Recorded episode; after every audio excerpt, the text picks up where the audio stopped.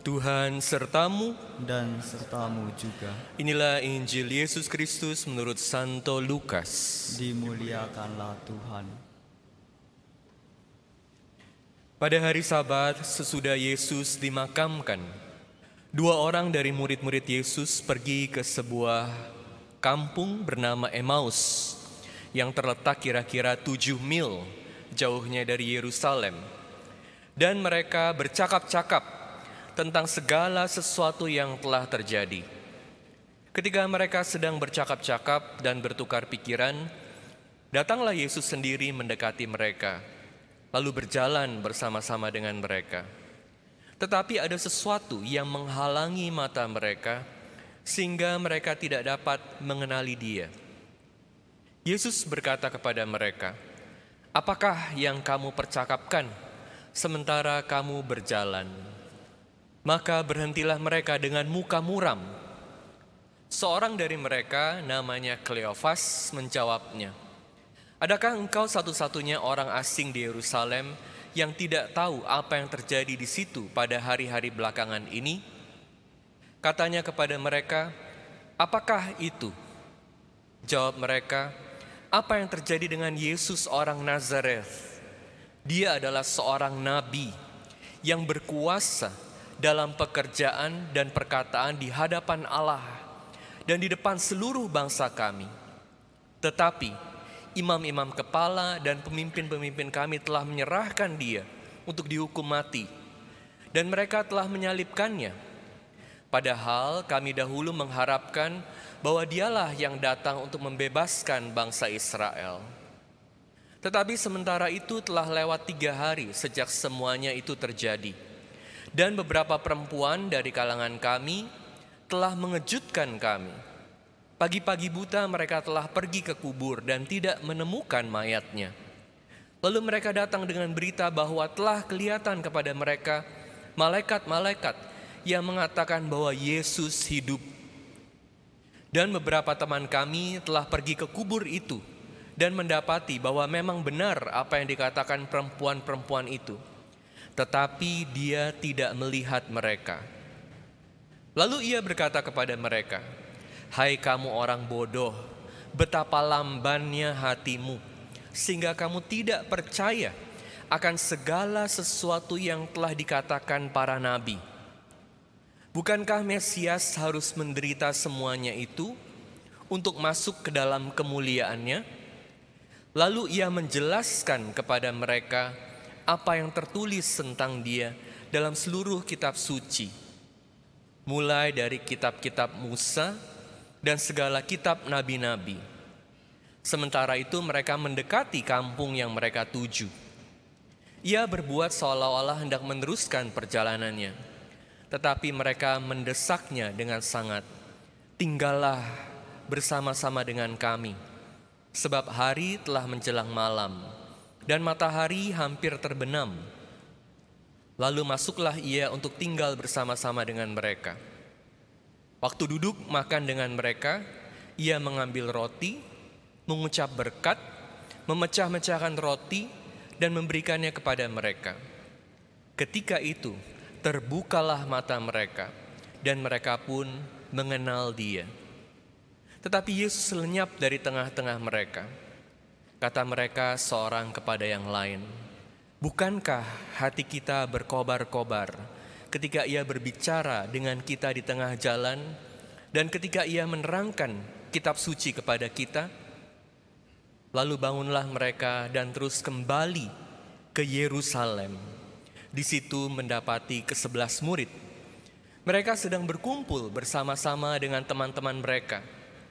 Kata mereka itu, sungguh Tuhan telah bangkit dan telah menampakkan diri kepada Simon.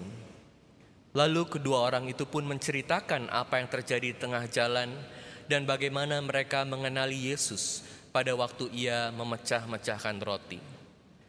Berbahagialah orang yang mendengarkan sabda Tuhan dan tekun melaksanakannya.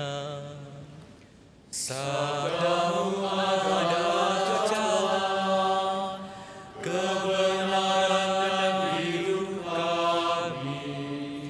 Demikianlah Injil Tuhan. Terpujilah Kristus. Tuhan sudah bangkit. Haleluya. Puji Tuhan. Pertanyaannya, Tuhan yang sudah bangkit sudah hidup belum dalam hati Anda sekalian? Bacaan Injil hari ini sangat menarik menceritakan bagaimana dua murid yang berjalan ke Emmaus mengalami Yesus. Saya mau mengajak Anda untuk merenungkan perjalanan mereka lebih dalam. Pertama, kita melihat kenapa mereka berjalan ke Emmaus. Kedua, kita melihat bagaimana mereka bercakap-cakap dengan Yesus. Dan ketiga, bagaimana mereka makan malam bersama dengan Yesus. Kenapa dua murid ini berjalan ke Emmaus? Tuhan sudah bangkit.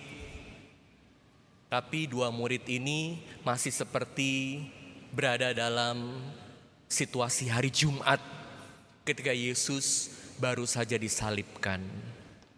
Mereka takut, mereka marah, dan mereka bingung mereka takut, makanya mereka berjalan keluar dari Yerusalem seperti murid-murid lain, kebanyakan dari murid-murid lain, karena orang-orang Yahudi ini juga mengejar para pengikut Yesus.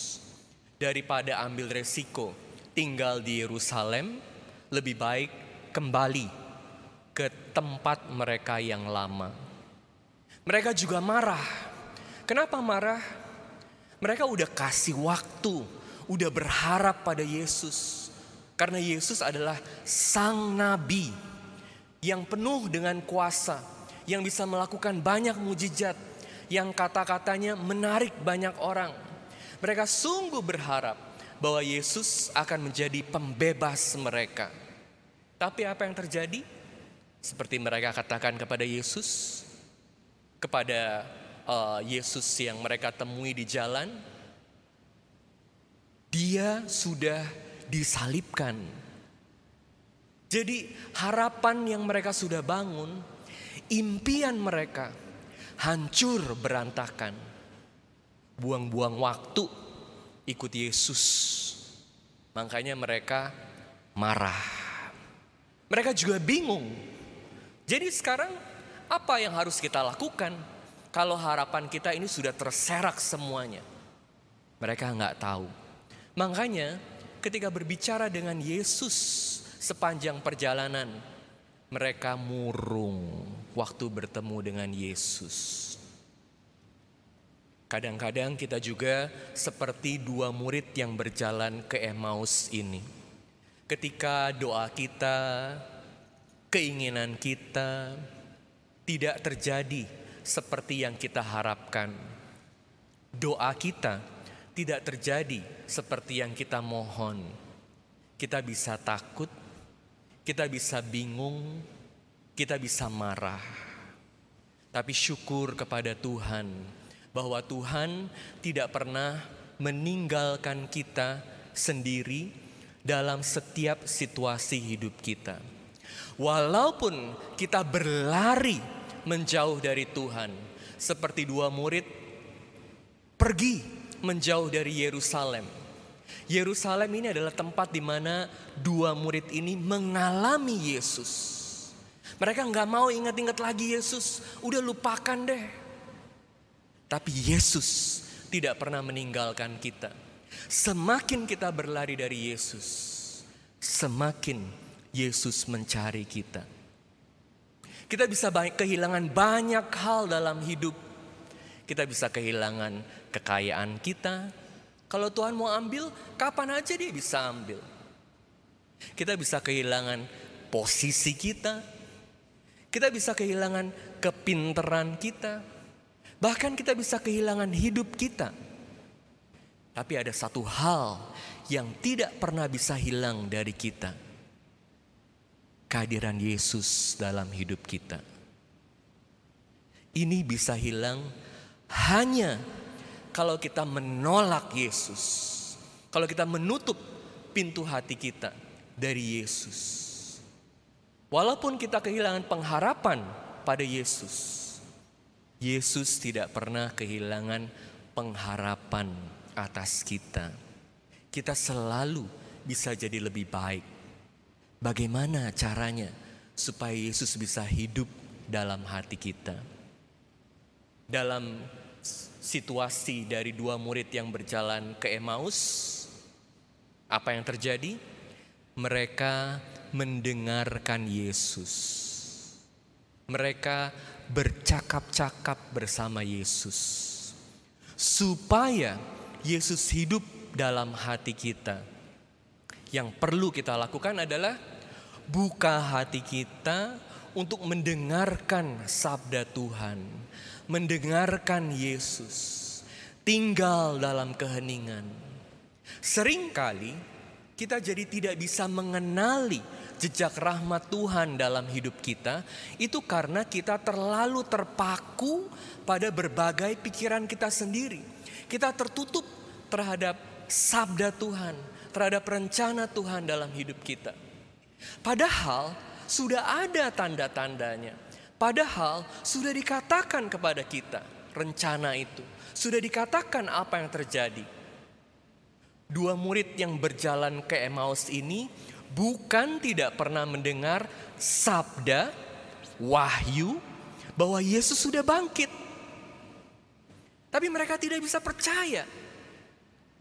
Mereka sudah dengar dari para wanita yang mengalami Yesus bahwa Yesus sudah bangkit. Tapi apa yang terjadi pada mereka?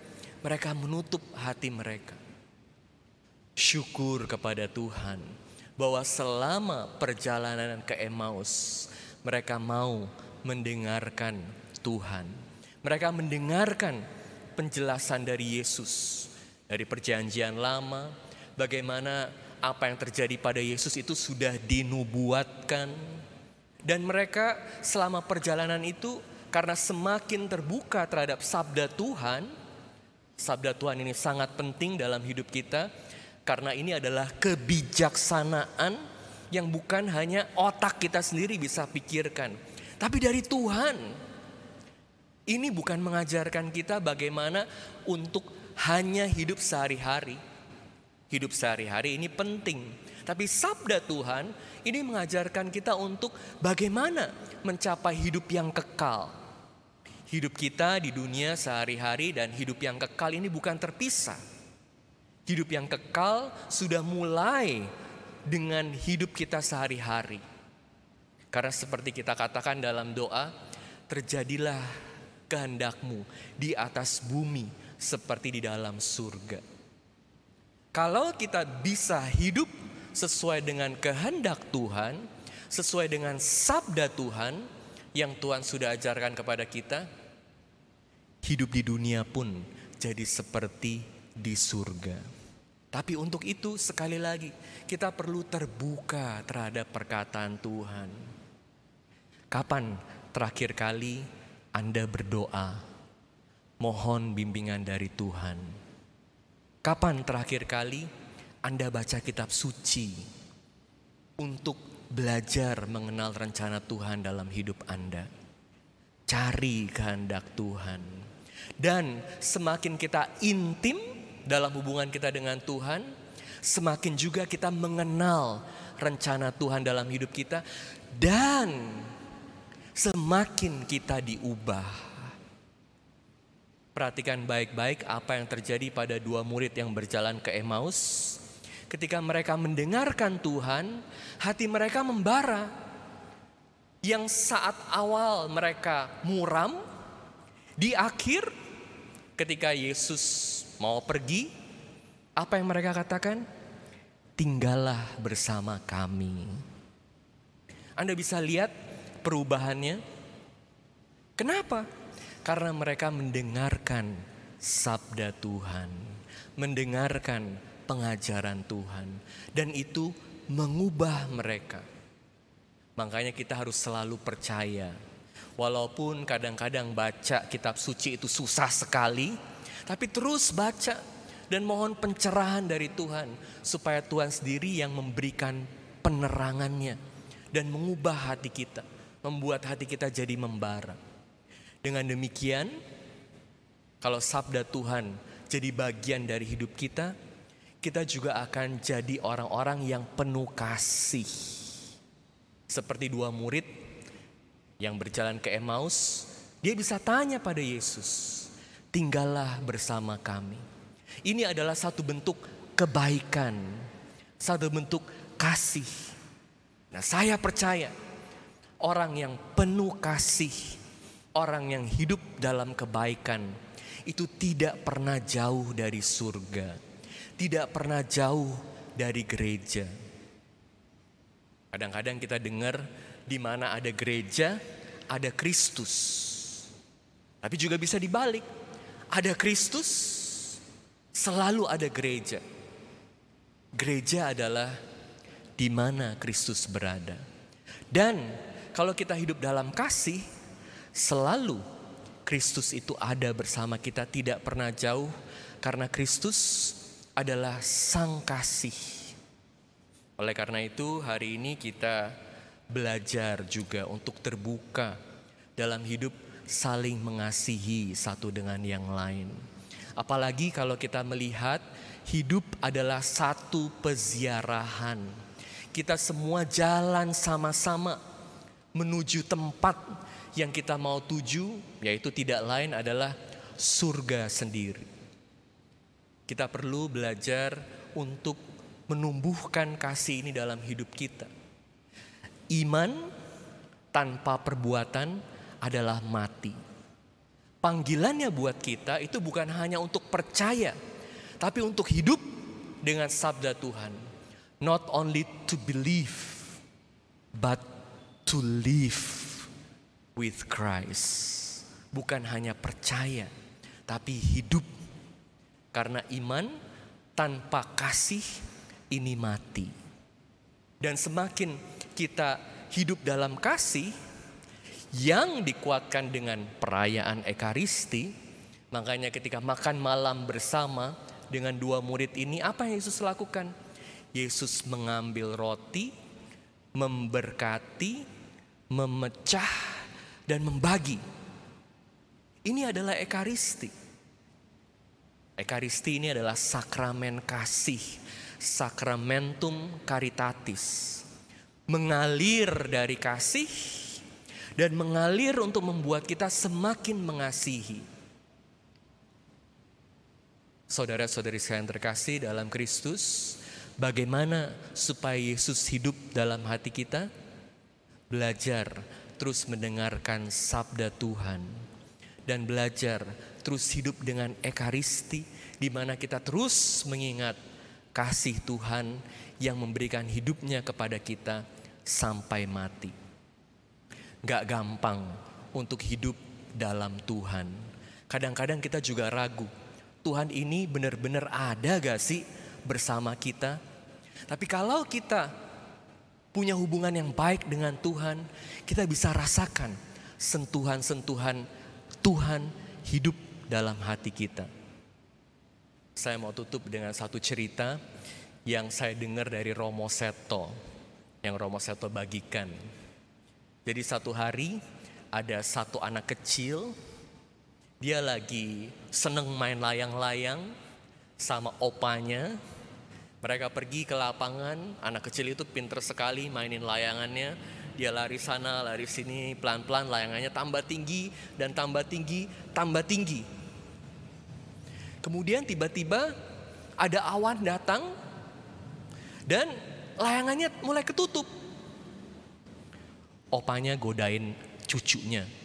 Tanya sama anak kecil itu. Eh, layanganmu ke mana? Layanganmu masih ada gak? Jangan-jangan layanganmu udah hilang. Lalu anak itu bilang, enggak opa, masih ada.